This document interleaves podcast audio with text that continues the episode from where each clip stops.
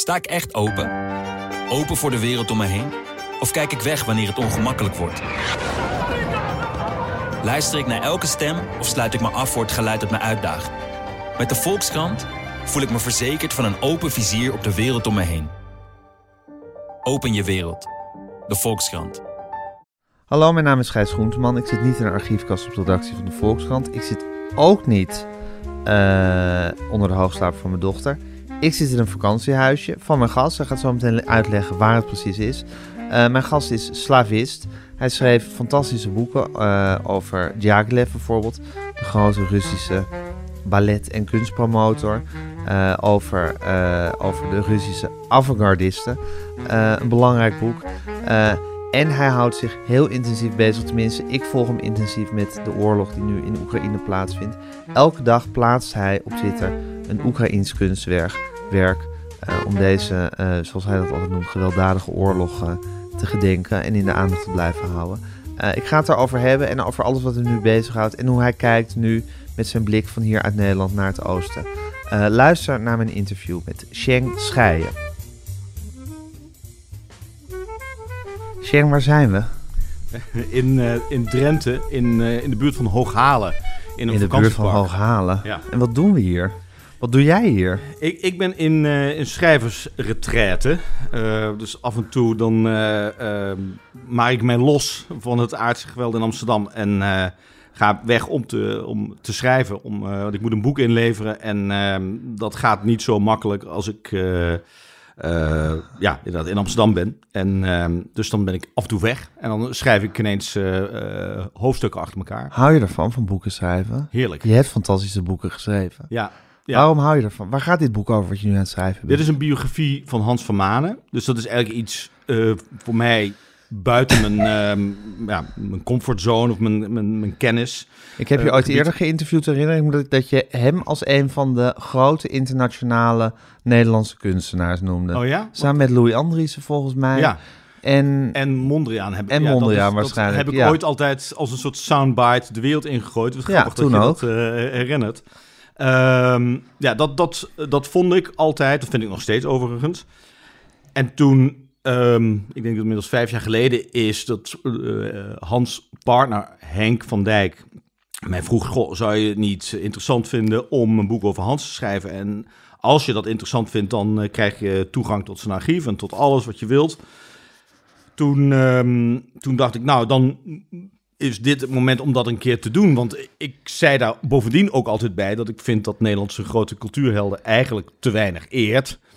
Ehm, dus als een keer gevraagd wordt om hem wel te eren, om zo iemand wel te eren, ja, dan kun je niet wegduiken.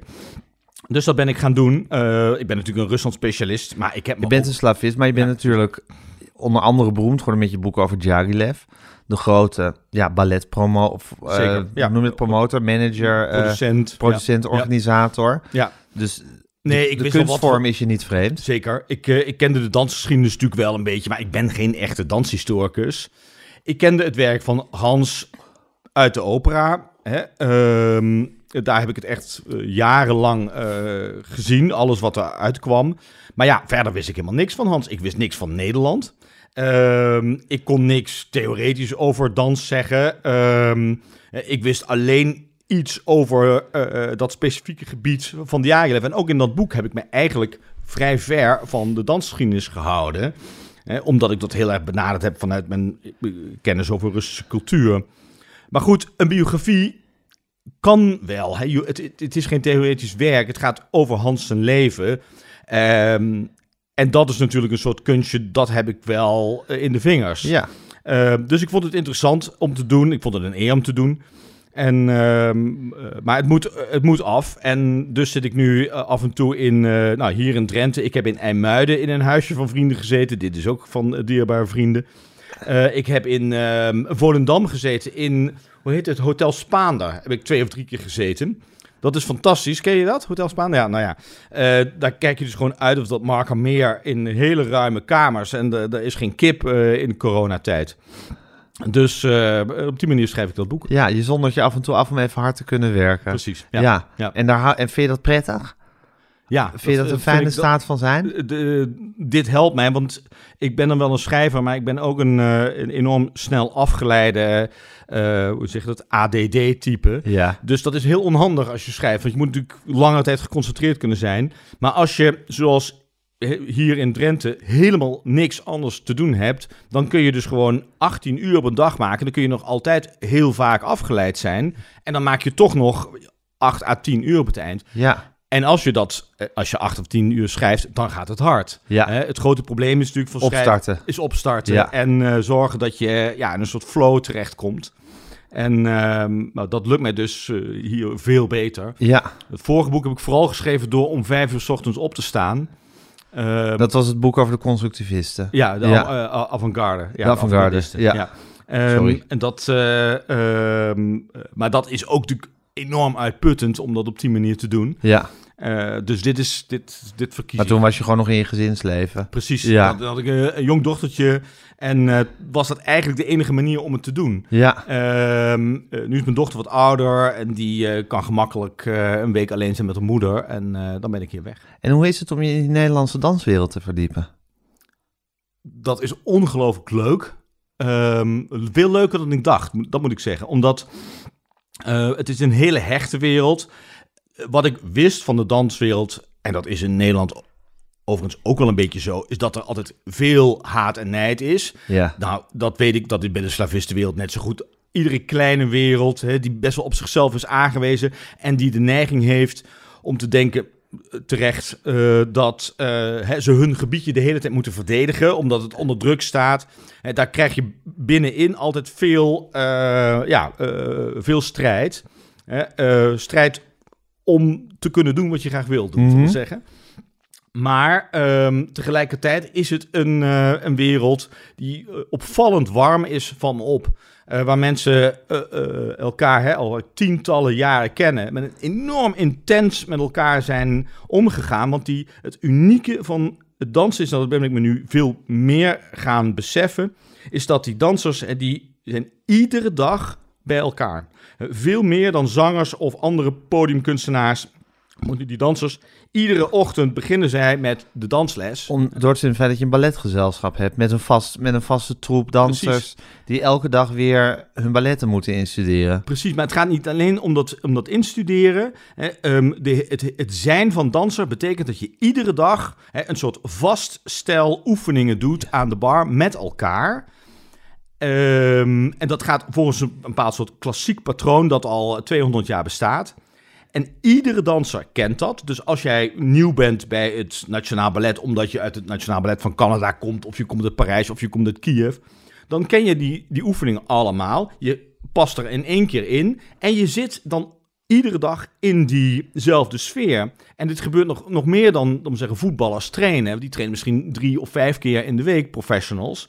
Maar deze mensen iedere dag. Ja. En vanaf jongs af aan doen ze altijd diezelfde oefening. En als je ook nog vanuit dezelfde balletschool komt, ja, dan ken je elkaar beter dan je familie. Dus het is, het is een hele hechte wereld. Het is een, met een soort eh, heel apart gedeeld ethos hebben die mensen.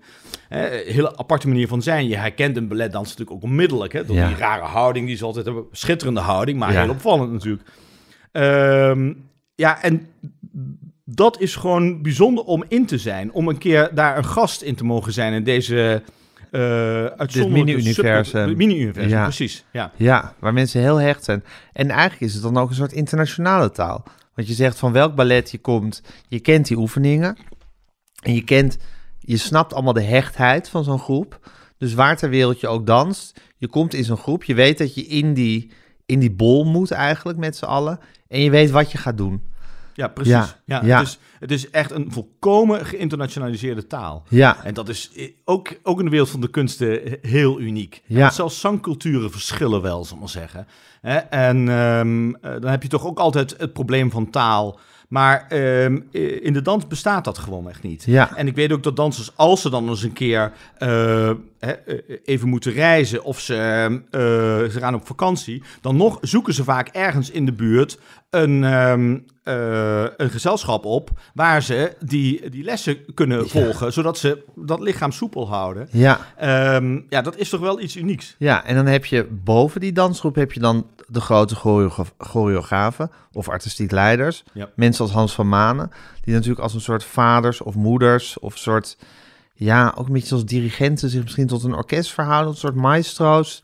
Ja, het is... eh, eh, Hoe verhouden die, die mensen zich tot die dansers?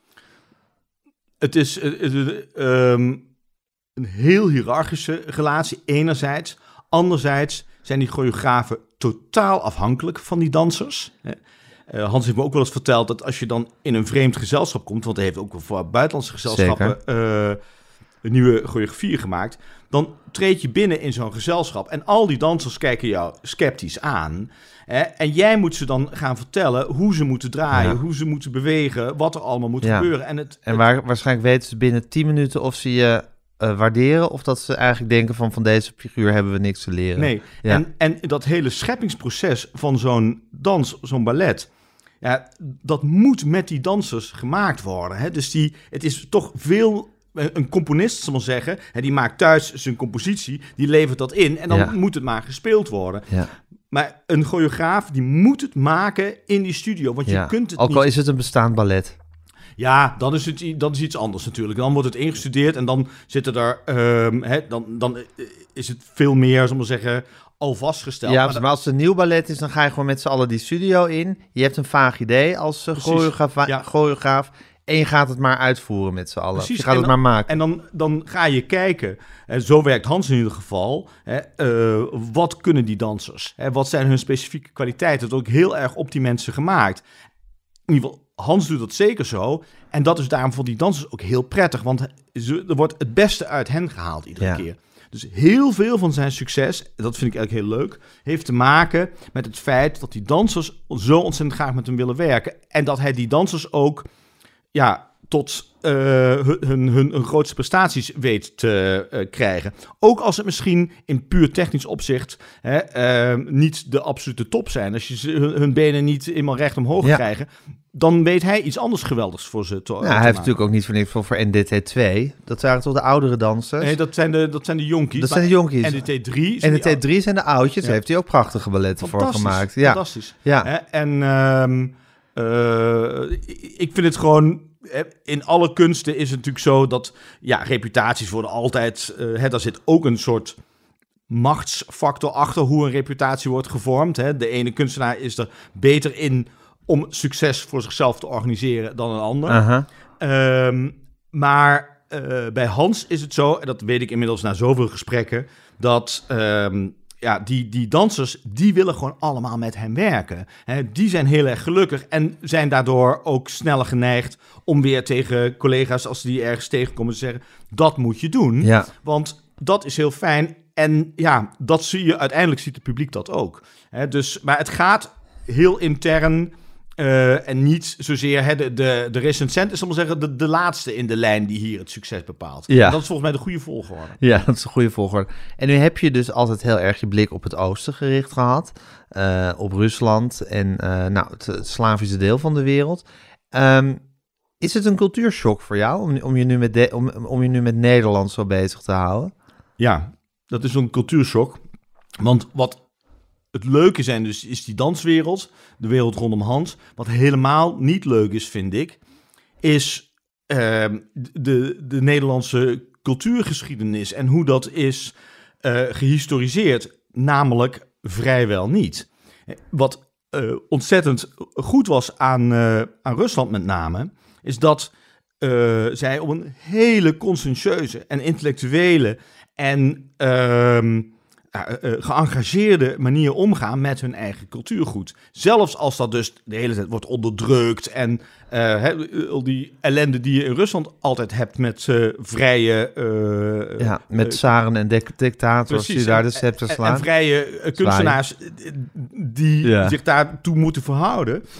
Ehm, eh, is dat niveau van historisering hè, en eh, het op een intellectuele manier kijken naar je eigen cultuurgeschiedenis, dat heeft een enorm hoog niveau. En er is ontzettend veel. En die mensen die daaraan werken, zijn allemaal waanzinnig geëngageerd en eh, die geven hun hele leven aan het beschrijven en het denken over die kunsten.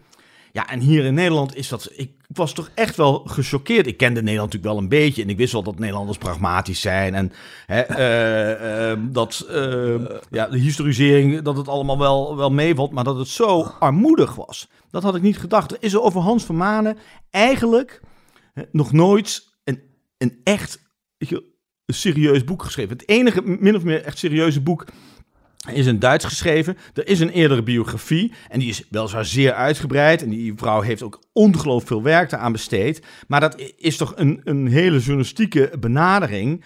Ehm, en iets du- duidelijk dat in een soort eh, vacuüm is ontstaan. En, maar, en verder is er eigenlijk niks. Het is dus eh, ja, heel veel journalistiek, maar dan ook niet van een erg hoog niveau. Ehm, ja, een krantenjournalist die is een heel uitgebreid artikel schrijft, dat is dan een boek, zou ik maar zeggen. Dat is een beetje de benadering. Ja, maar eh, er zijn bijna geen boeken, Nee. ik zeggen. Hè, dus er zijn wat langere artikelen in kranten. Maar er is eigenlijk geen Nederlandse eh, dansgeschiedenis. Dat is er nooit geweest. Het theater... er is- ja, theaterinstituut. hè, dat, dat heeft natuurlijk ooit bestaan. Dat had enig niveau. Maar die, daar was voor de dans relatief ook weinig eh, ehm, aandacht. Eh, maar toen het er was, was dat in ieder geval, was er dat er in ieder geval. Er was een beetje een archief. Maar dat is allemaal weg. Ehm, Hans Opgedoekt. allemaal opgedoekt. Ehm, nou, het is, het is eh, echt zeer, zeer armoedig. En als je dan kijkt naar bijvoorbeeld eh, hoe de, naar populaire cultuur wordt gekeken in Nederland. Want Hans heeft bijvoorbeeld in het begin van zijn carrière met Sonneveld samengewerkt. Ja. Nou, en toen dacht ik, nou, Sonneveld, dat is toch wel zo'n man. Daar bestaat toch wel serieuze literatuur over. Dat is er ook helemaal niet. Er is, weet je, één aardig boek van een NRC-journalist. Dat is een lekker geschreven boek. Maar dat is, ja, dat is heel dunnetjes. Het, dat is geschreven, weet je wel, om lekker eh, s s'avonds laat eh, nog even aan je bed te lezen, zal ik Ja. maar zeggen. Maar zelfs over Sonneveld, die een hele internationale carrière heeft gehad. Hè, die met Fred Astaire heeft gewerkt in Hollywood. En eh, die, die over de hele wereld optrad. En, ehm, nou ja, En sowieso in Nederland legendarisch was. en, in Nederland Ja. legendarisch was.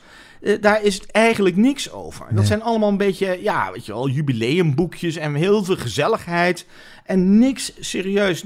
Nooit een keer nadenken over wat betekent dat nou dat je in Nederland allemaal van die one-man eh, shows had. Hè, eh, en, en elders iets totaal anders. Hoe zat die revuewereld nou werkelijk in elkaar in het begin? Eigenlijk helemaal niet. Het bestaat gewoon niet. Nee. Ik vind dit echt heel erg armoedig. En Ja. eh, dus moet ik een soort, voor mijn gevoel, pionierswerk doen. En dat is, dat, dat is ook wel leuk, maar ik mis dus heel erg... Ja, je zou willen dat je nu naar een archief kon lopen en daadwerkelijk allerlei dingen kon vinden die je goed zou kunnen gebruiken voor je boek. Terwijl je moet, je moet het zelf allemaal ergens van de bodem gaan zitten schrapen. Je moet het allemaal van de bodem gaan zitten schapen. En ehm, eh, ja, ook die archivering is, is slecht.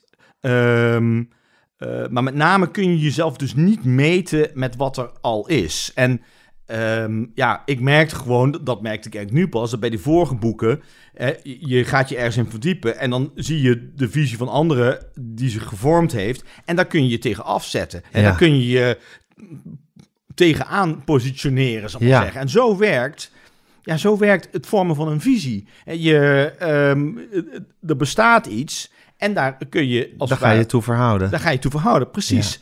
En ehm, je ziet ook hier bij de mensen die dus zich eerder wel met Hans hebben bezighouden, dat dat allemaal eigenlijk in een soort vacuüm gebeurde. En dat ze dus allemaal heel erg zoekende zijn. Ja. en dat gebeurt dus met al die, met ook dat boek over, over Sonneveld. Je voelt aan die man, hè, eh, god weet je, Henk van Gelder. Een hele goede oude NRC-journalist. Echt, eh, daardoor ook echt een goed boek. Maar ja, dat is eigenlijk in een vacuüm ontstaan. Ja. En, en als alles iedere keer een, eh, een incident is, ja, dan krijgt nooit iets niveau. Dus je hebt een, een humuslaag nodig. Hè? Wat, nou, een rottige eh, metafoor, maar goed.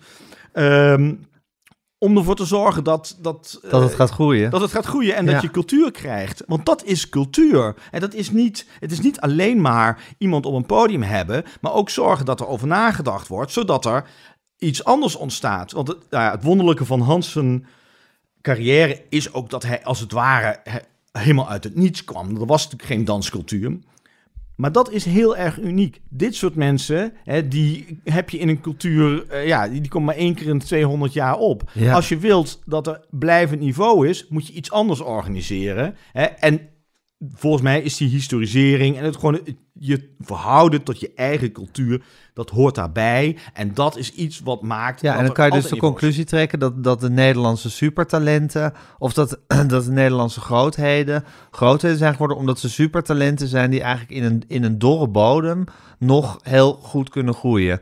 Maar dat als je een, als je een soort, als je een soort, soort, soort rijke cultureel leven en geschiedenis hebt ook, en daarover wordt nagedacht, heb je ook kans dat er gewoon meer mensen in kunnen opbloeien. Ja, Ja, en dan, dan, dan blijft het niveau. heel simpel gezegd, ja, hè, dit. Dan, dan Ja. blijft het gewoon, eh, het niveau blijft hoger. En hoe is dat dan in Rusland? Ja, dat is daar dus veel en veel, veel beter. En, en het komt daar deels ook omdat het intellectuele leven altijd een uitvlucht is geweest. Hè, voor ehm, eh, het maatschappelijk leven dat verschrikkelijk was. Het politieke leven waar je jezelf niet in kon uiten. Hè, ehm, er was eigenlijk geen mogelijkheid tot ehm, civil society in Rusland, of althans veel minder. Dus als jij oké was en je was slim, dan was die intellectuele wereld het enige wat open stond. En dat is een van de redenen waarom dat eh, zo is opgebloeid. En de andere kant is dat Rusland in, eh, al net als elk Frankrijk heeft bedacht dat de cultuur eigenlijk de bodem is voor nationaal bewustzijn. Dus daar werd altijd heel erg in geïnvesteerd. En dat is Ja. bij onder de tsaren zo begonnen. Hè? En ehm, eh, Frankrijk wilde natuurlijk een imperium zijn. Ehm, Rusland wilde een imperium zijn. En eh, beide hadden elk bedacht van... oké, als je dus eh, je nationale identiteit... als dat niet eh, de basis kan zijn voor ehm, die identiteit als, als imperium... dan moet je iets anders hebben, een gedeelde cultuur. En eh, de, de Russen hebben dit min of meer van de Fransen gekopieerd, dit eh, plan. Ehm, In, wel- in welke tijd gebeurde dat, dat kopiëren van dat plan? dat begint al, begon al in de 18e eeuw eigenlijk. En ehm, eh, ja, dat, dat heeft dan in de 19e eeuw vorm gekregen. En hoe zag dat plan er dan uit? Wat gekopieerd werd? Nou ja, ehm, het, het opzetten van hele grote, prestigieuze instituties. Hè? Dus eh, als je naar Petersburg kijkt, de toenmalige hoofdstad, ehm, dan zie je dat het, eh, eh, de kunstacademie, hè, dat is een gigantisch paleis dat aan de Neva ligt. Ehm, hè, dat was natuurlijk de meest prestigieuze plek voor, om te zijn, want de, de grote tsarenpaleizen lagen ook aan die, aan die rivier. En dat is gigantisch. Het conservatorium is gigantisch. Hè? De, eh, de opera's die gebouwd werden, dat gebeurde allemaal. Het begon althans in de 18e eeuw, kreeg vooral in de 19e eeuw het meeste vaart. Hè? Dat zijn allemaal hele grote instituties. En eh, die tsaren die wilden zich eh, ja, bewijzen ten opzichte van Europa door die cultuur. Ja, En ze kregen er natuurlijk ook altijd problemen mee, want om een echte goede eh, cultuur te krijgen van hoog niveau moet je die mensen vrijlaten. Ja. En dat was altijd een heel groot probleem. Ja. Dus er was altijd strijd vanaf het begin af aan. Hè. Ehm, en die cultuurwereld heeft die vrijheid eigenlijk ook altijd genomen. Dus de cultuurwereld werd altijd zo'n beetje het enige platform waar, zelfs in de meest repressieve tijden, er altijd enige mogelijkheid was om, om vrij te blijven en om te reflecteren. En ehm, dus ook op die manier kreeg het eigenlijk een steeds hogere status. En omdat er ook intellectuelen zich allemaal gingen associëren met die cultuur. ja, dus aan de ene kant bouwden die machthebbers, zou ik maar even zeggen, eh, hun, hun grote pronkstukken met die culturele instituties. Precies. Daar, daar ging het vervolgens leven en broeien en bruisen. En als je kunstenaars bij elkaar zet, dan krijg je natuurlijk vrije geesten en ideeën. Mensen die niet aan de leiband gaan lopen. Dat werd vervolgens een probleem. Maar in die wrijving zat misschien ook wel weer een soort eh, kracht. Omdat het, omdat het ook de Ja. manier werd om, je, om jezelf überhaupt eh, vrij te kunnen voelen. Om daar eh, om kunstenaar te zijn. Precies. Ja. En Dus ehm, ehm, ja, het- dat is een beetje een cliché, maar het feit dat die kunsten zo voortdurend werden onderdrukt in Rusland, dat is eigenlijk ook een teken van hoe serieus ze werden genomen. Ja. Hè? Toen, ehm, toen Stalin Mandelstam, belangrijk dichter uit de jaren 20 en 30, naar een kamp wilde sturen, toen maakte hij zich daar toch grote zorgen over. En toen is hij eerst nog Leonid Pasternak, de eh, auteur van Dr. Zhivago, gaan bellen van of die Mandelstam nou wel of niet een grote dichter was. En, zoals je weet, Stalin had geen enkel probleem om honderdduizenden mensen over de klink te jagen. Maar over één dichter, dat, dat maakte me weet je, een beetje zenuwachtig. Ja. hè? En, ehm, eh, en aangezien Passenak toen een beetje weifelend was, want dat was geen goede vriend van Mandelstam, ja, is die, die Mandelstam in een kamp terechtgekomen. Die Passenak heeft zich daar dan jarenlang over verbeten. Dat Ja. niet gezegd had, nee, dat is een ontzettend belangrijk dichter. Ja, Eh, maar goed, en zoals Het- met Shostakovich ook altijd een ingewikkeld spel heeft Precies. gespeeld. Ja, eh, dus van hem aan de ene kant aan de borst willen drukken en aan de andere kant klein willen houden. Dat, Ja, dat is precies dat is de dynamiek. Ja. Hè, dat is in, de, in de 19e eeuw was dit ook al zo met Pushkin en, eh en, eh, en Tolstoy bijvoorbeeld. Hè, een voortdurende strijd tussen die grote cultuurdragers en die tsaren. En, ehm, en dat waren, ja, het waren ook hele machtige mensen, eigenlijk, die cultuurdragers, schrijvers met name. Eh, maar ook wel schilders zelfs. Eh, Ja. ja. Wonderlijk, hè? Heel wonderlijk. Ja. En als je En ook ingewikkeld wat je er nou van moet vinden. Ja, het, bedoel- is niet, het is niet een model waarvan je zegt... oh, dat nee, gaan we even dat gaan we, dat kopiëren. gaan we even kopiëren. Nee, zeker niet. Hè, maar er is natuurlijk best een tussenweg mogelijk, zal ik maar zeggen. Ja, En- waarin je de kunst en serieus neemt en tegelijkertijd niet al te repressief bent. Precies. Ja, En je hoeft het ook niet zo enorm serieus te nemen als in Rusland. Hè, bedoel, oké, dat, dat heeft een enorme waarde. Maar dat hangt inderdaad ook samen dus met die repressie. Maar Nederland, ja, dat is wel het andere uiterste. Hè, dat is wel ehm, eh, ja, ongelooflijk armoedig. Echt gewoon heel erg armoedig. En ja, als je dan naar Duitsland en Frankrijk kijkt... Hè, ik werk ook wel eens in, in Parijs, heb je dan een, een Institut de la Danse. Eh, ja, dat is iets schitterend, geoutilleerd, ontzettend leuke plek. Dat is en een archief en een bibliotheek. En er zijn allemaal studio's voor jonge makers. Dus je ziet ook hoe dat daar werkt. Dat. Die eh, historisering en het denken erover gaat helemaal samen met het maken. Ja. En zo hoort het te zijn. Ja. Eh, en, ehm, en dat heeft natuurlijk duidelijk ook eh, effect op de kwaliteit. Dus ehm, en dat ontbreekt. Het ontbreekt helemaal in Nederland. ja. Het is gek, grappig toch, of grappig. Het is opvallend toch dat ook dat, dat, dat, dat, dat, die, dat propageren van de cultuur dus ook iets heel nationalistisch was. Terwijl dat nu bij de, bij de, bij de extreemrechtse partijen die zich zo nationalistisch opstellen, de cultuur juist zien als, als, als, als iets verwerpelijks. Ja, ja dat, dat heeft natuurlijk te maken met ook eigenlijk hoe het zich dan in Nederland heeft ontwikkeld. Want nou, ik weet niet helemaal precies hoe het in Frankrijk zit, maar volgens mij zijn die extreemrechtse mensen daar.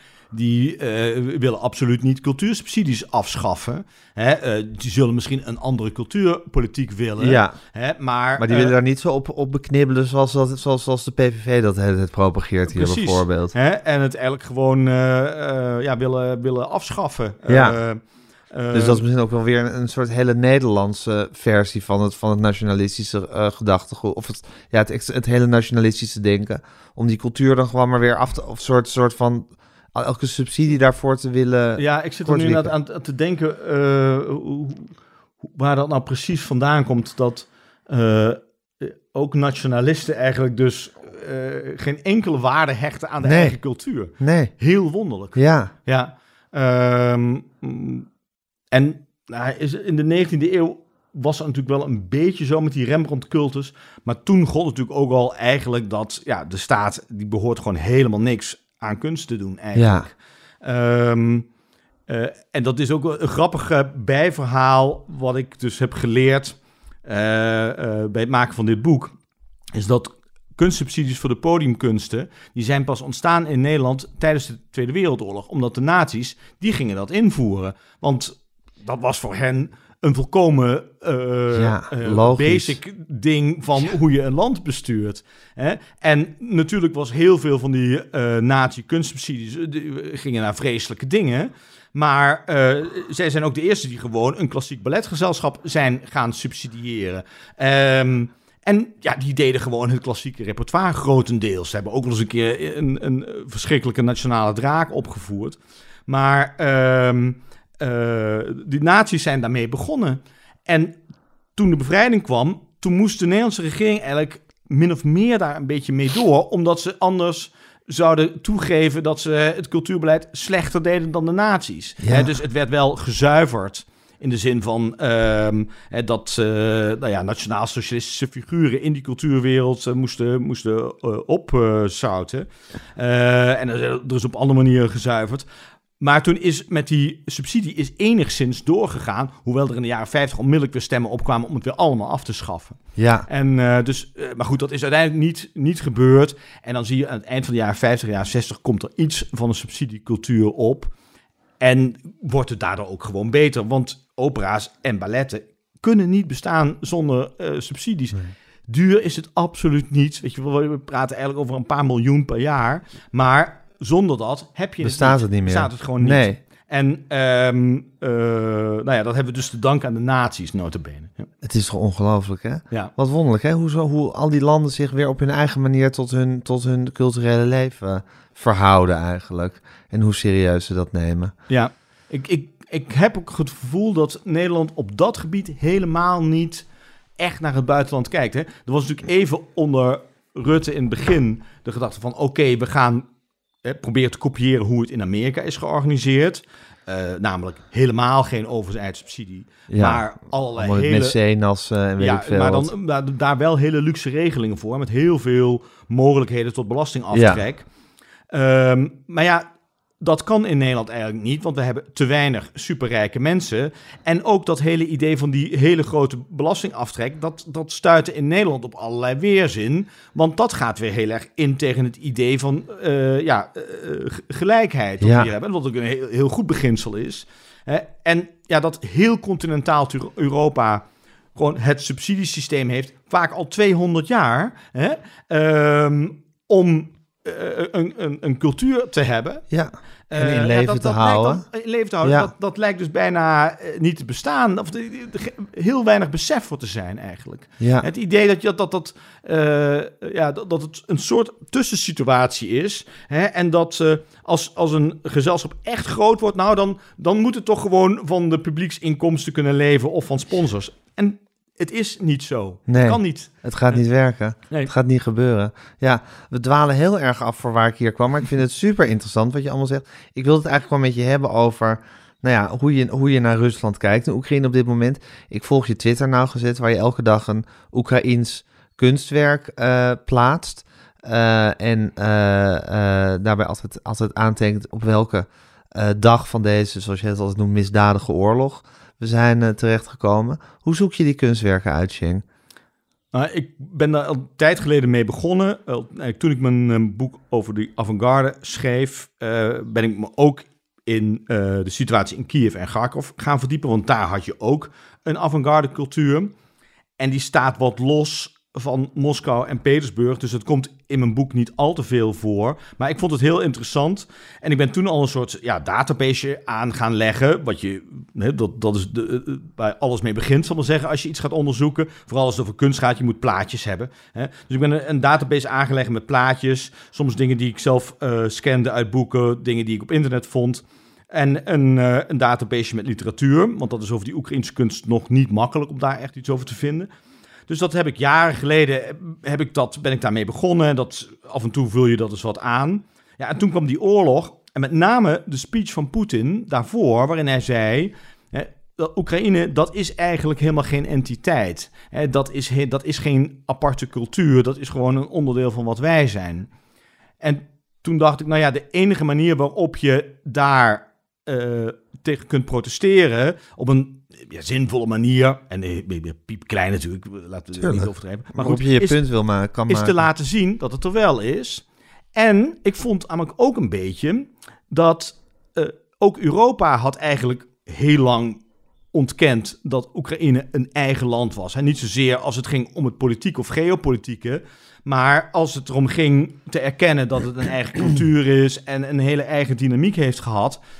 Wie wist nou iets over Oekraïne? Wie wist iets over Oekraïnse schrijvers, over Oekraïnse ehm, eh, kunst? Dat was gewoon, ja, het, het bestond gewoon helemaal niet. Ehm, toen ik ging studeren, was er nog één docent in Nederland eh, die, eh, waar je Oekraïens kon volgen als taal. Nou, dat is in de tijd dat ik studeerde, is dat al afgeschaft. Dat is daar nooit meer teruggekomen. Dus er is in Nederland gewoon nul aandacht Ja. voor, eh, Oekraïne voor als land. voor Oekraïne en als, als eigen land. cultuur. als eigen cultuur. ja. En eigenlijk zou je kunnen zeggen, hebben wij daar dus een beetje aan, aan, aan bijgedragen. Hè? Ehm, eh, vols- volslagen desinteresse eh, voor dat land. Ehm, en nou ja, ik kan het mezelf ook wel een beetje kwalijk nemen, want eh, behalve dat database wat ik dan begonnen ben, heb ik er zelf ook heel weinig aandacht aan gegeven. Ik heb ooit in 2014 of 15 een groot artikel in De Groene erover geschreven. En, wat ik me ineens herinnerde, er was, ik denk, nou, in begin 2000, is er een tentoonstelling geweest met Oekraïnse kunst in de Nieuwe Kerk. En daar heb ik destijds ook een stukje over geschreven. En dat was ook een, een, een, uh, ja, een soort eye-opener. Um, maar dat was een tentoonstelling die volledig ontstond door een diplomatieke deal. Omdat er in Kiev een aantal stukken uit de Keunscollectie terecht waren gekomen. Zeg je dat wat? Ja, nou, oké, goed. In ieder geval die Keunscollectie, dat was een, een collectie hele bijzondere kunst die in Rotterdam werd bewaard. Die gestolen is door de nazi's. Zeker. En later uh, bij de bevrijding van uh, Berlijn door de Sovjets, door de Sovjets is meegenomen naar Moskou. En dat ligt daar nog altijd grotendeels in een kluis. Maar een deel was dus naar Kiev gebracht en lag daar in een kluis. En toen Kiev onafhankelijk werd, eh, toen is ervoor gezorgd dat die paar stukken uit de kunstcollectie terug zouden keren naar Nederland. En in ruil daarvoor is er van alles, dat, dat is een soort uh, deal, hebben ze gemaakt met de toenmalige president Kuchma. En die had gezegd, maar dan wil ik ook een keer aandacht voor Oekraïnse cultuur Ja. in Nederland. En daardoor is die tentoonstelling in de Nieuwe Kerk toen ontstaan. Ja, Uh, maar goed, dat is dus het enige moment uh, dat er um, een keer zichtbaarheid was. maar eigenlijk toen Poetin die speech hield en zich op zo'n agressieve manier Oekraïne toe-eigende eigenlijk, zou je kunnen zeggen. Toen voelde jij gewoon een soort persoonlijk verzet.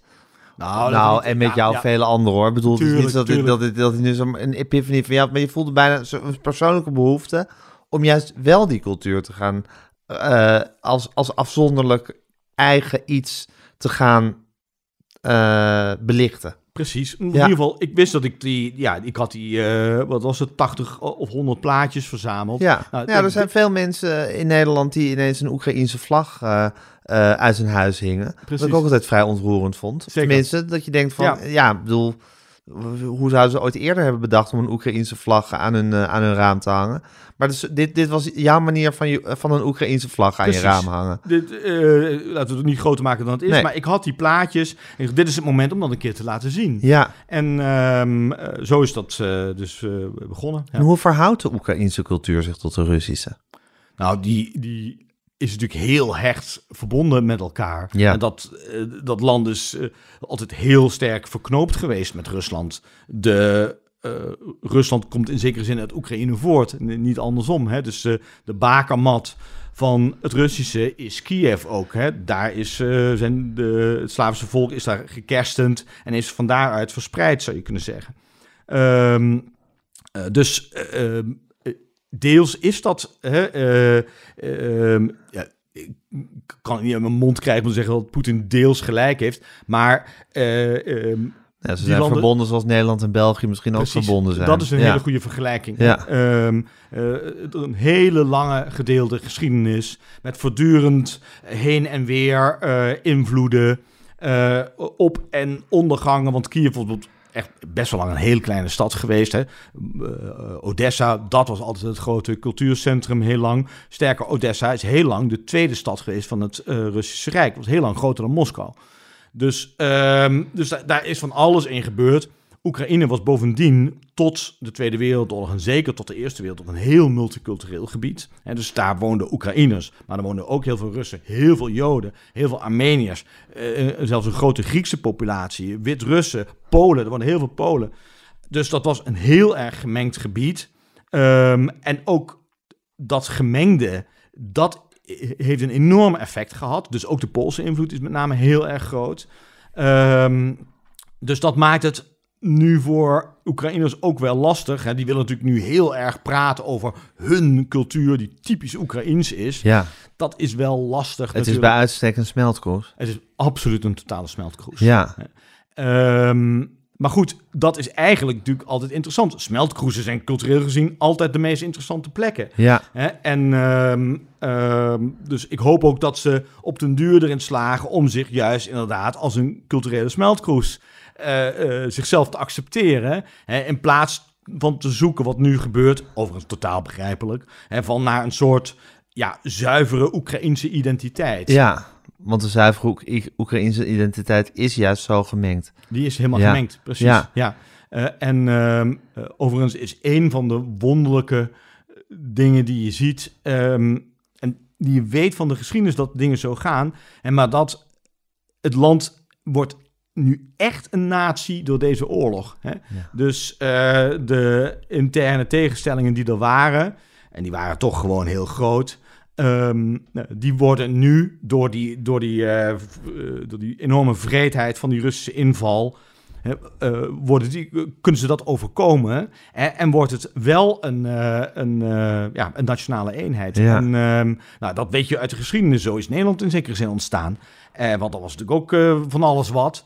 Ehm, zo, is, eh, zo is Duitsland ontstaan. En, eh, en nu zien we on- eh, Oekraïne op deze manier. ehm, Ineens samengesmeed worden ja, eigenlijk. precies. Woord. Ja. Ja. Ben je verbaasd door die Russische agressie?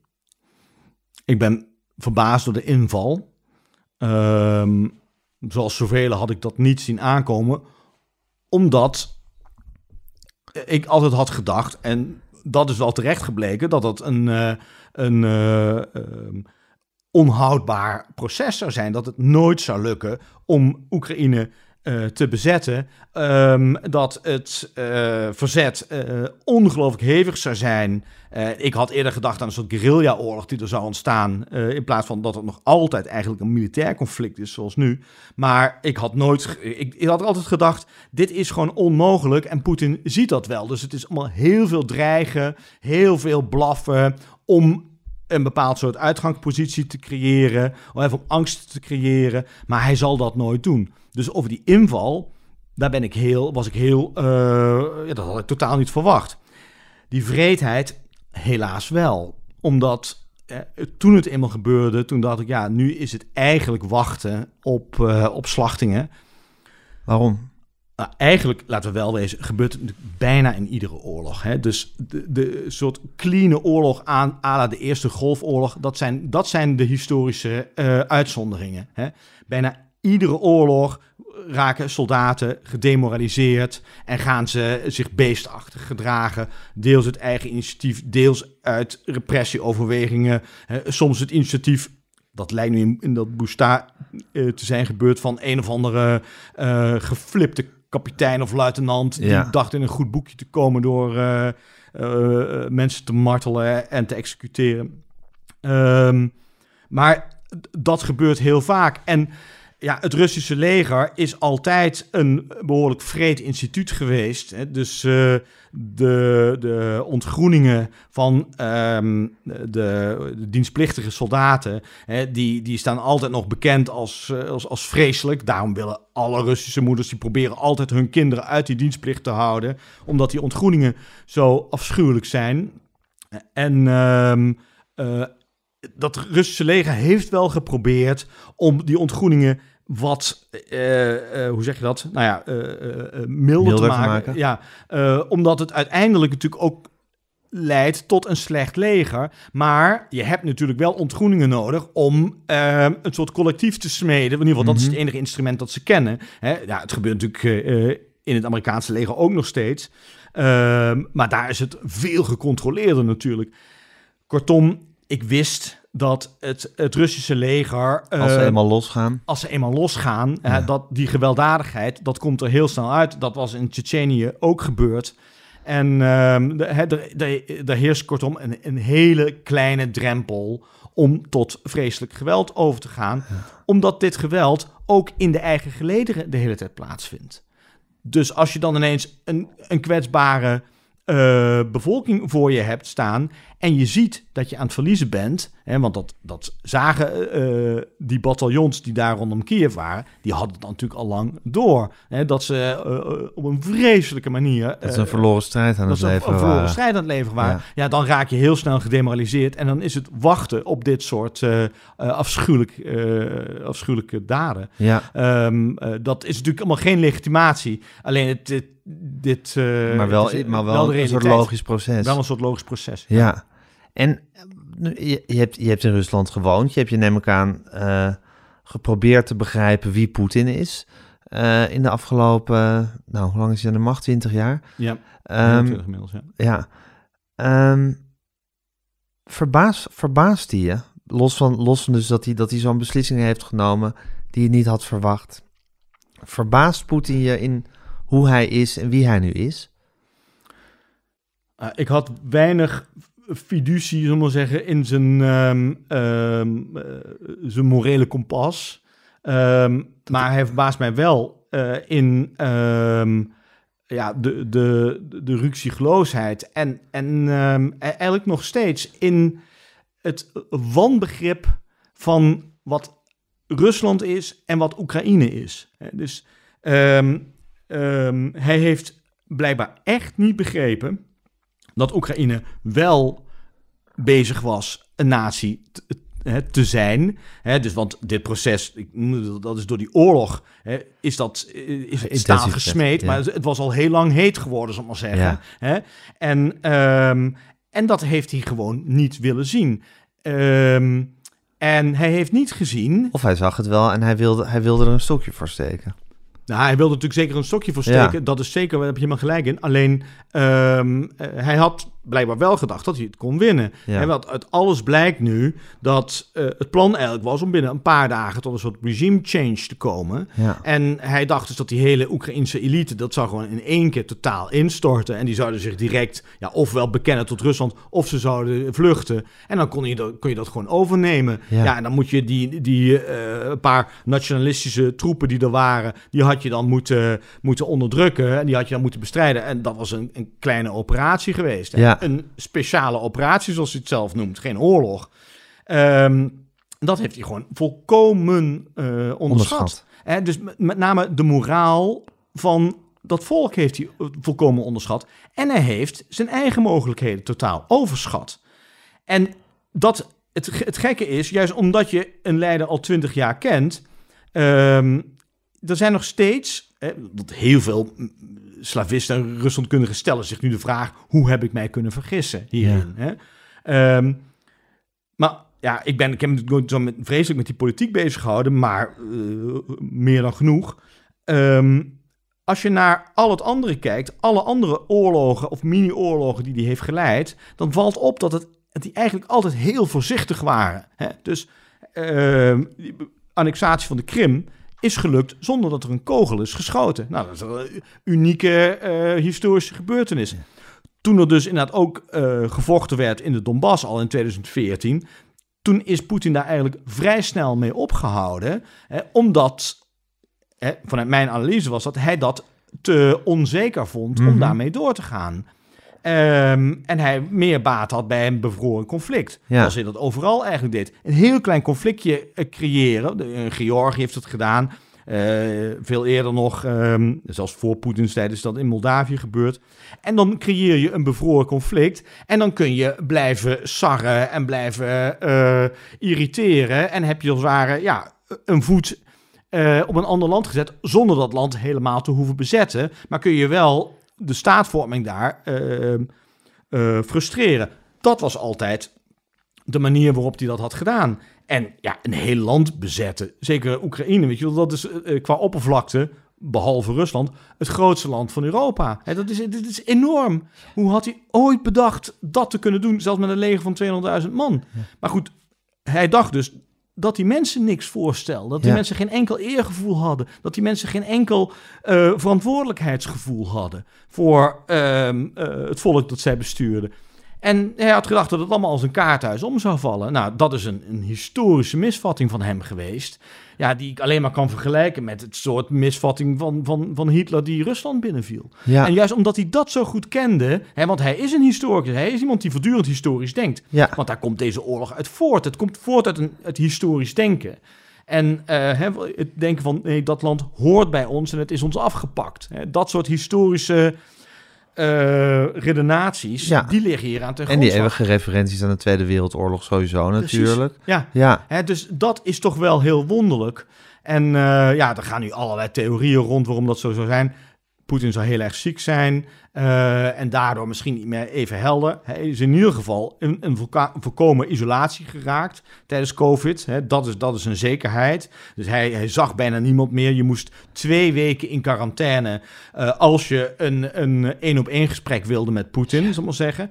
Hè, dus um, en daardoor is natuurlijk ja. Uh, dan kan het gaan schriften. Dan kan het gaan schriften en is de informatie die hij kreeg eh, die is blijkbaar was heel erg slecht. En dat is ook een typisch ehm, effect ook van de Sovjet-Unie. Iets waar Poetin in het begin altijd voor gewaarschuwd had. We moeten niet opnieuw terechtkomen in eh, een Sovjet-systeem. Want het grote probleem van de Sovjet-Unie was dat die leiders geen heldere informatie meer kregen over wat er in het land gebeurde. Daarom kon Gorbachev niet tijdig reageren op Tsjernobyl. Ja. Daarom kon Poetin in het allereerste begin van zijn carrière, toen hij net klaar was, niet tijdig reageren op die koers. Weet je nog, die, die uh, Die onderzeeër, die, toen ehm, Vastliep. Ja, eh, vastliep en is gezonken.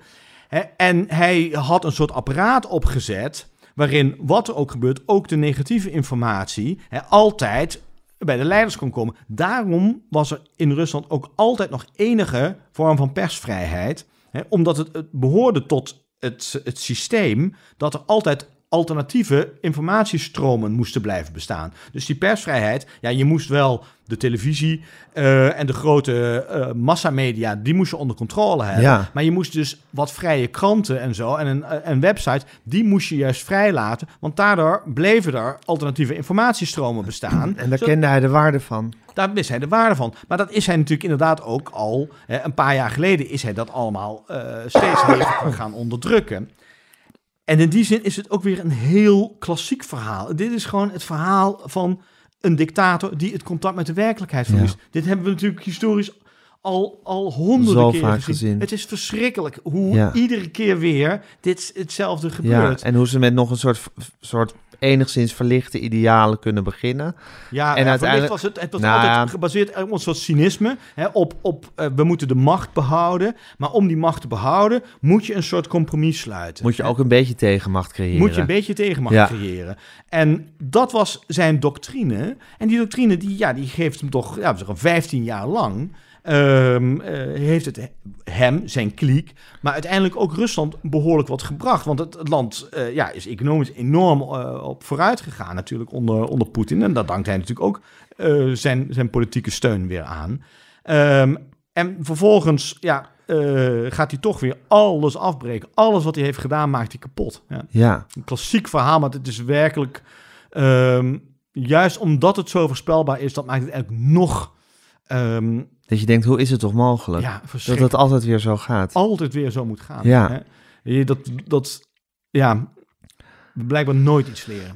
Het is blijkbaar een diep menselijke trek onder dictators om het zo, eh, om het zo te doen. Precies. Hoe werd er over Poetin gedacht en gepraat toen jij in Rusland was? Eigenlijk heel erg weinig. Want eh, eh, Russen zijn eh, allemaal ongelooflijk... Jij verkeerde natuurlijk in culturele kringen Precies. en in diplomatieke kringen, Dus neem ik zat aan. altijd in een, in een soort bubbel. Hè? Van bijna altijd mensen die ofwel heel erg anti-Poetin waren... of zeer apolitiek waren, die zich helemaal niet met de politiek wilden interesseren. En dat, dat is ook begrijpelijk, want je hebt geen enkele invloed op de politiek. Hè? Dus ehm, In die zin is het een oninteressant onderwerp in het, is, het Rusland. is een oninteressant onderwerp. Ja, Ehm, en ik ken natuurlijk ook wel mensen die zich echt heel erg associeerden met eh, de protestcultuur. Hè, en dat was vooral ehm, toen ik er in 2012, 2013 zat, was dat heel hevig. Toen werd er enorm geprotesteerd hè, onder Medvedev. Eh, want die had het gewoon minder eh, Strak onder controle. controle, precies. ja. Ehm, en toen leek dat natuurlijk ook wel even wat te kunnen gebeuren. Ehm, maar Poetin heeft dat natuurlijk allemaal weer, weer teruggedraaid. Ehm, Ja, want ze hebben even van positie gewisseld, hè? Een paar Precies, jaar Poetin en. Medvedev. Toen, Poetin bleef natuurlijk op de achtergrond Zeker. eh, heel machtig. Ja, Maar eh, hij, hij hield zich toen toch ook redelijk aan de wet. Heel curieus. Hè, dus hij dat als minister-president... dat hij dus toch niet zo hard kon ingrijpen als hij als president komt. Die pre- president heeft enorme macht en de minister-president eigenlijk heel erg weinig. En dus hij, hij reageerde wel via Medvedev. Maar die Medvedev, ja, die deed toch ook een beetje zijn eigen ding, zal ik maar zeggen. En eh, ehm, die, die moest uiteindelijk wel natuurlijk ja, de hele tijd eh, het echte aansturen doen. ja. Ehm, dus je had het niet, niet zo strak onder controle als, als Poetin. Ehm, maar goed, ehm merendeels zijn alle mensen die ik kende, hè, die, ze vloekten af en toe een keer flink over Poetin, weet je wel, die, die, die dikke lul. Ehm, of ze hielden zich min of meer afzijdig, vaak omdat ze dan tegenover weet je, een westeling zoals ik, ja, geen zin hadden om hun eigen land af te vallen. weet je. Een sentiment dat ik ook heel goed begrijp. Hè, want ze weten natuurlijk heel goed hoe al die wenselingen over Poetin en over de Russische politiek denken. Ja, die zitten altijd alleen maar daar hele flauwe grappen over te maken. Wat voor gekken dat toch allemaal niet zijn. En als je dan een beetje trots bent ingesteld, ja, dan vind je het niet leuk om de hele tijd eh, Dat te die- horen. Dat te horen en die mensen daarin gelijk te geven. Hè? Dus dat begrijp ik, dat begreep ik altijd, altijd wel. En ik had zelf ook niet de neiging om vanuit mijn privilege van een, land, ja, dat gewoon al 150 jaar lang, eh, weet je wel, keurig werd bestuurd, om tegen hen te gaan zitten zeggen hoe het hoorde, weet je wel. Eh, dat wisten zij natuurlijk ook allemaal wel. En ehm, ehm, dus ik had vaak ook niet zo'n zin in dat politieke eh, gesprek. Ehm, als, ik, als ik echt iemand tegenkwam die totale onzin verkocht, oké, dan ga je daar tegen in. Maar dat kwam ik eigenlijk heel weinig Maar tegen. eigenlijk, Schenk, zou je kunnen zeggen dat dus zowel binnen Rusland als binnen Europa, als binnen de hele wereld, Poetin ook altijd dan wat dat een soort non-item is geweest. Zo van, het is een dictator, hij deugt natuurlijk niet, niemand heeft een hoge pet op van zijn morele kompas. Aan de andere kant hield hij zich nog een soort van binnen de normen van het, nou, betamelijke zou ik niet willen zeggen. Ja. Maar goed, de- hij ging niet zo tekeer zoals hij nu tekeer gaat. Ze, eh, iedereen was natuurlijk ook afhankelijk van hem, de hele wereld. Eh, en in Rusland natuurlijk idem dito. Zo van, laat maar. Ja, dit, dit was precies de manier waarop hij altijd eh, heeft gefunctioneerd. Hij ehm, heeft, heeft er altijd voor gezorgd dat zowel in het buitenland als in het binnenland hij eh, nooit zo ver over de schreef ging. Althans, hij Ja. wist heel goed wat, Wat, hij kon maken. wat hij kon maken, wat hij Ja. niet kon maken. Hè, zowel eh, tegenover Europa en de Verenigde Staten als eh, bij zijn eigen bevolking. Om aan de macht te kunnen blijven. En, ehm, en daarom kon je zo'n eh, kamikaze-actie als dit, ja, was dat zo ontzettend moeilijk te begrijpen. en er waren natuurlijk altijd scherpe geesten die wel al riepen van... het is een levensgevaarlijke dictator en een Ja. gek en, en we gaan hiervoor op de koffie komen. Ja, Maar hij wist altijd net, net het zo binnen de perken te houden... dat die niet genoeg gehoord zijn geworden.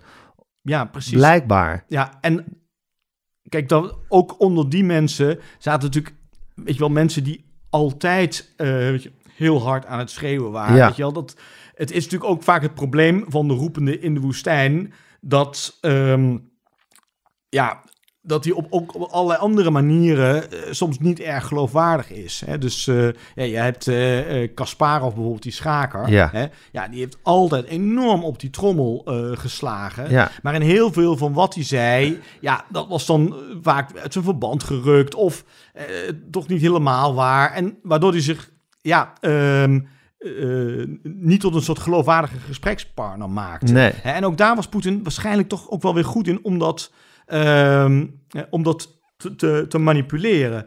Ehm, eh, kijk, hij is natuurlijk aan de macht gekomen met een hele vrede oorlog hè, in Tsjetsjenië. Maar ja, dat was in de tijd dat het hele Westen zich enorm druk maakte over het Midden-Oosten en over moslims en het gevaar daarvan. Ja. En laten we wel weten, Tsjetsjenen, dat waren een soort eh, eh, moslimradicalen, al- althans zo werd het eh geframed. En daardoor was dat acceptabel. En ehm, eh, misschien dat we ons dat nog wel het meest kwalijk kunnen nemen. Achteraf denk ik ook, hè, de, een hele grote fout is geweest dat ehm, we niet meer hebben gedaan aan de verdediging van ons luchtruim tegen die nucleaire dreiging. Hè, ehm, want een, een ander punt dat echt heel erg meespeelt, waarom we ja, iedereen zoiets had van we kunnen er toch niet veel aan doen, is omdat Rusland eenmaal een hele grote nucleaire macht was. Dus zo'n land kun je nooit echt enorm onder druk zetten. Die kun je niet chanteren. Ehm, eh, je kunt ehm, het allerergste wat je ooit kunt doen is dreigen met een sanctie. Ja, en voor een land eh, dat eh, het grootste depot heeft aan grondstoffen, is dat ook heel lastig. Hè? Dus de, de, de basics van Poetins systeem waren gebaseerd op grondstoffen en op nucleaire dreiging. En die twee dingen, ja, daar was niks aan te veranderen natuurlijk. Nee. Dus we kunnen onszelf ook wel helemaal eh, eh, ja, achteraf. eh, hoe zeg je dat? Nou ja, ja Gek maken. Gek maken, Ja. inderdaad. Hè, en onszelf vreselijk de schuld geven. Maar die twee parameters, ja, die waren toen, die zijn altijd zo geweest, ze zijn nog steeds zo. Waarom we dus nu niet bijvoorbeeld echt oorlog kunnen gaan voeren eh, Ja. met, met Poetin. En waarom we nu nog steeds vastzitten aan die fucking grondstoffen. Ja, En ehm, dat is de basis geweest. Dus ja, hadden we wat kunnen doen bijvoorbeeld aan die, aan die oorlog in Tsjetsjenië? Ja, daar hadden we zeker wat meer aan kunnen doen. Maar op dat moment waren sancties bijvoorbeeld totaal zinloos. Want Rusland was eh, een volkomen verarmd land dat al eh, helemaal eh, kapot was. In Ja. 1999 was, dat was een vreselijke situatie. Dus hoe ga je zo'n land dat al helemaal in de put zit nog treffen met sancties? Ja. Ja. dat had eigenlijk helemaal geen zin. Jezelf in die oorlog mengen, dat had geen zin, want Rusland is een nucleaire natie en Tsjetsjenië was Russisch gebied. Dus je kunt jezelf ook wel helemaal gek maken hè, met we hadden moeten optreden, dit en dat. Ehm, ehm, maar de, de basics die het nu onmogelijk maken, en die waren, die, die waren er toen ook al. En Ja. dat was de basis van waarom, waarom Poetin kon functioneren. ja. Wat natuurlijk wel zo is dat we, dat we, dat we inmiddels in, toch een soort in de voor ons denkbaar verkeerd dat we in een, in een soort ja, oorlogsloze tijd terecht waren gekomen. Precies. Dus dat we ons natuurlijk militair natuurlijk wel helemaal niet meer gewapend hebben. Of Nee. niet meer voorbereid zijn geweest Klopt. op zo'n gewelddadig militair conflict. En, en dat is natuurlijk iets wat we heel goed hadden kunnen doen. Namelijk ons tegen eh, die nucleaire dreiging veel beter te bewapenen. ja, En ehm, dat was een mogelijkheid geweest. Daar hebben we het geld voor. Of dat technologisch helemaal haalbaar is, weet ik niet. nee, Maar hadden wel ons best kunnen doen. we enorm ons best kunnen doen. Waardoor je die nucleaire dreiging, waar, waardoor we nu helemaal vastzitten. Ja. Hè, eh, eh, die dreiging in ieder geval he- hadden sterk hadden kunnen reduceren. Ja, en het psychologische raadsel is dus eigenlijk dat een dictator die eigenlijk zo lang aan de macht is geble- gebleven, door net binnen de lijntjes te kleuren, een heel klein beetje buiten te gaan, maar nooit te veel, dat hij ineens als een gek tekeer gaat. Dat is, dat, Ja. is, dat, is, dat is, en aan de andere kant zeg je van, ja goed, dat is, dat is natuurlijk een patroon wat we zo vaak hebben gezien bij andere dictators, Maar, maar dat, je er eigenlijk bijna op kan net- rekenen dat het gebeurt. Je, je zei net iets heel terechts. Hè? We hebben gedacht dat de geschiedenis wordt opgehouden. Dat de grote Ja. veroveringsoorlogen, dat dat eigenlijk niet meer bestaat. Ja, En eh, omdat we daarmee zijn opgehouden om te denken, zijn ook de andere historische parallellen.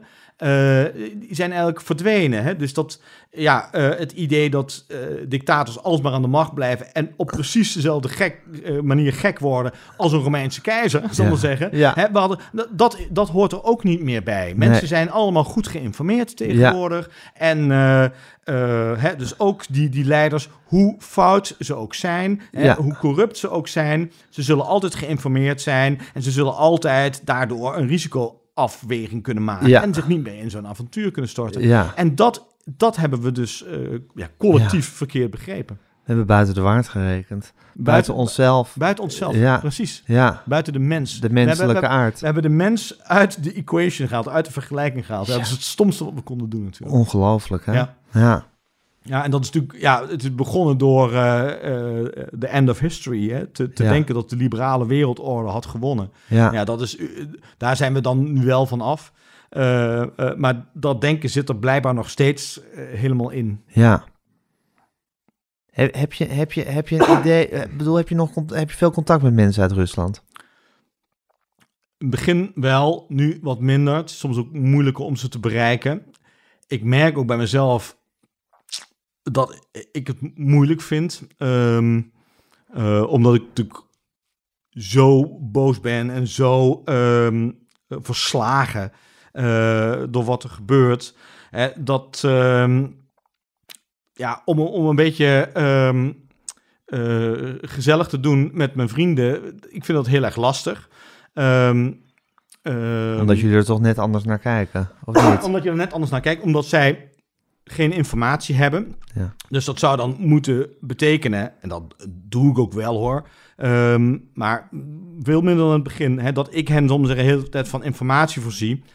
En natuurlijk is de neiging om te zeggen van, nee, maar dat, dat is niet echt zo, weet je wel. Want hoe kun jij dat nou zeker weten? En natuurlijk kan ik het ook niet, helemaal niet 100% zeker weten. En wordt er ook aan de Oekraïnse kant aan propaganda gedaan. Maar ja, ik weet hoe ehm, eh, vrije nieuwsgaring ongeveer werkt. Ja. En eh, na zoveel jaar kan ik een, een betrouwbaar bericht meestal wel onderscheiden van iets onbetrouwbaars. Oké, ik trap er natuurlijk ook wel eens een keer in als er, iets, als er een leugen wordt verkondigd. Maar op den duur worden dingen wel duidelijk. Ja. En dan zou ik dus de hele tijd ja, eh, eh, eh, de brenger moeten zijn van hun schuldigheid, zal ik maar zeggen. Dat is een, nogmaals, ik vind een lastige eh, positie. Ook omdat zij, hè, eh, mijn vrienden zijn ook altijd eh, verschrikkelijk anti-Poetin geweest. Eh, ze maken zich ongelooflijk zorgen. Overigens zijn er heel veel inmiddels eh, hier naartoe gekomen, zijn gevlucht. Eh, nou, mijn beste vriendin, ehm, die, eh, heeft een kind van, eh, van één net gekregen, nog op de 42ste.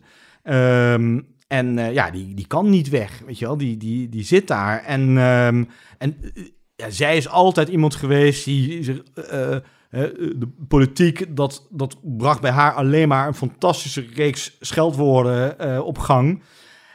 En daarna wilde ze er eigenlijk ook niks mee te maken hebben. Ze werkt ook in de cultuurwereld. Ze was altijd bezig om haar eigen wereld te verdedigen. En eh, met een enorme energie ehm, iets op te zetten dat kon blijven bestaan. Weet je wel. Eh, ik bewonderde haar daar enorm om hoe zij toch altijd weer van alles wist te organiseren en eh, tot stand is te brengen. eh, Zonder geld, in, in, een, in een crazy corrupte wereld.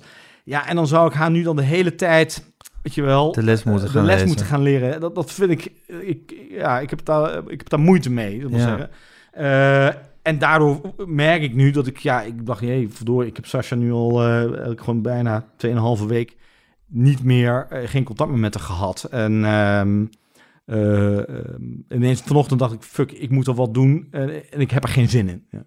Ehm, Ja, maar dat Ja. is toch ook wel heel verdrietig. Want in het begin was het natuurlijk heel erg van eh, over die oorlog van Poetin's war. En eh, ja, dat is zijn, zijn, zijn gekke aberratie waar we, nu, waar we nu allemaal mee zitten. Ja. En de Russen willen het ook niet enzovoort. ja, Nou, die hele propagandamachine, voor zover die niet al werkte, is natuurlijk helemaal op volle toeren nu. zeker. En nu, nu gaat het toch, dat merk jij dus ook in jouw volstrekt persoonlijke relaties, dan ga je toch uit elkaar drijven. Ja, Ja, En ehm, ja, daar heeft er ook mee te maken dat ja, ik zie het niet gebeuren hè, dat eh, ja, ik in de eh, nabije toekomst daar nog veel zal kunnen doen. Wat ik deed, tentoonstellingen maken met Russische kunst. Ik zie daar voorlopig niet veel eh, in gebeuren, helaas. Hè, ik, ik had weet je, twee, drie plannen voor nieuwe boeken die eh, over Rusland zouden gaan. Ja, ik weet niet of ik die eh, nu nog kan gaan schrijven. In ieder geval zeker niet op die manier. Dus nee. ik ben ook zelf bezig met een soort proces van, eh, van afscheid nemen. En ik weet nog niet hoe ver dat gaat. Ehm, maar ehm, ja, het is er wel. En ehm, ja, ik, praat, ik, ik heb het er eigenlijk nog helemaal niet veel over gehad, zelfs met mijn vrouw niet. Ehm, ehm, eh, en ik heb nooit willen zeggen, ik hou van Rusland. Dat, dat vond ik altijd een, eh, een beetje een onzinnige uitspraak. Maar er zijn wel eh, delen van dat land waar ik ontzettend veel van hou. Ja. Hè? En ehm, eh, ook die worden nu kapot gemaakt. Ja. En ik ben nog steeds bezig daar mijn me toe, toe, toe te verhouden. Ja. En eh, dus daar, daar heeft die verhouding met die vrienden heeft daarmee te maken. ja. Ik, ik weet ook niet hoe, dat, eh, hoe, hoe dit eindigt. Ja, ik, ik bid iedere dag om de val van Poetin en eh, misschien de komst van een, een minimaal een redelijker iemand. Ehm, maar ook dat lijkt nu verder weg. Dus in het begin was er natuurlijk toch wel alle speculatie dat er ehm, ook binnen de veiligheidsdiensten ehm, eh, tegenstand was. Eh, eh, dat was ook zeker zo, want Poetin heeft een aantal mensen onder huisarrest gezet. Ehm, maar ja, daarmee lijkt hij toch wel nu de, de Ja. rijen weer gesloten te hebben, ook in zijn eigen elite.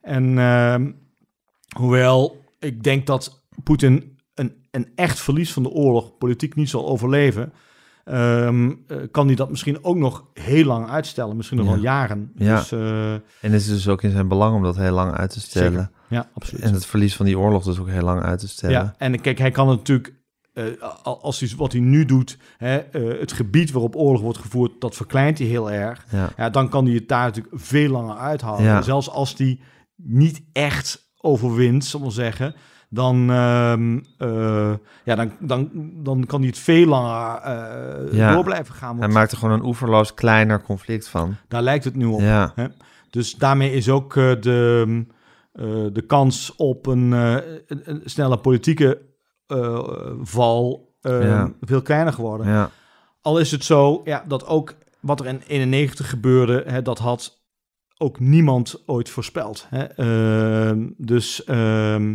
eh, niemand had die, die val van de Sovjet-Unie eh, destijds voorspeld. zo zien aankomen. Dus Nee. ehm, net zoals eigenlijk niemand had verwacht dat het Russische leger zo'n zootje zou zijn. Dus ehm, ehm, in die zin zijn er toch wel weer parallellen die misschien enige hoop geven. Eh, dat, is mijn, dat is mijn hoop. En verder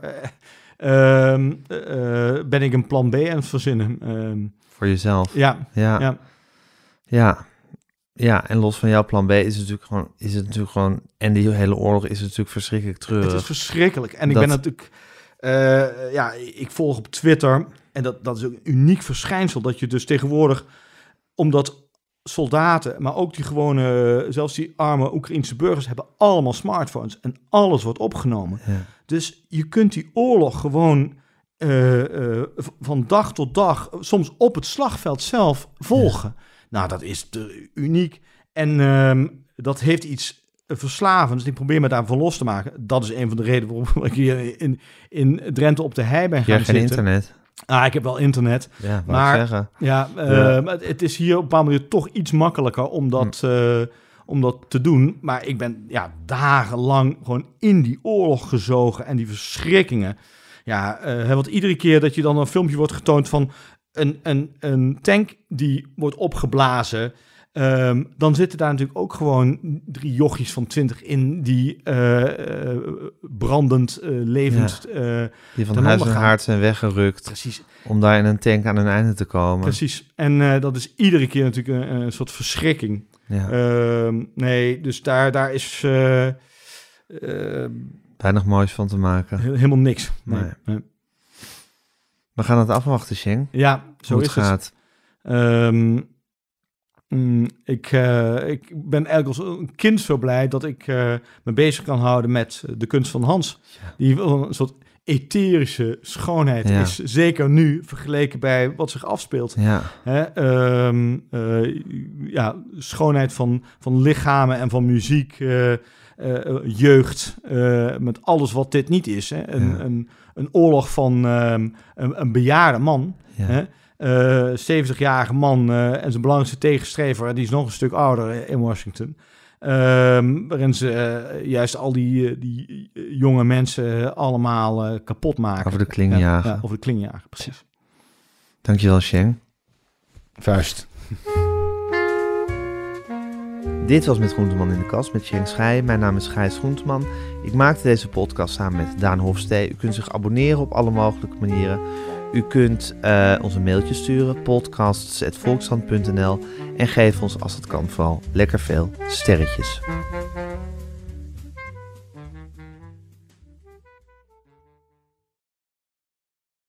Sta ik echt open? Open voor de wereld om me heen? Of kijk ik weg wanneer het ongemakkelijk wordt? Luister ik naar elke stem of sluit ik me af voor het geluid dat me uitdaagt? Met de Volkskrant voel ik me verzekerd van een open vizier op de wereld om me heen. Open je wereld. De Volkskrant.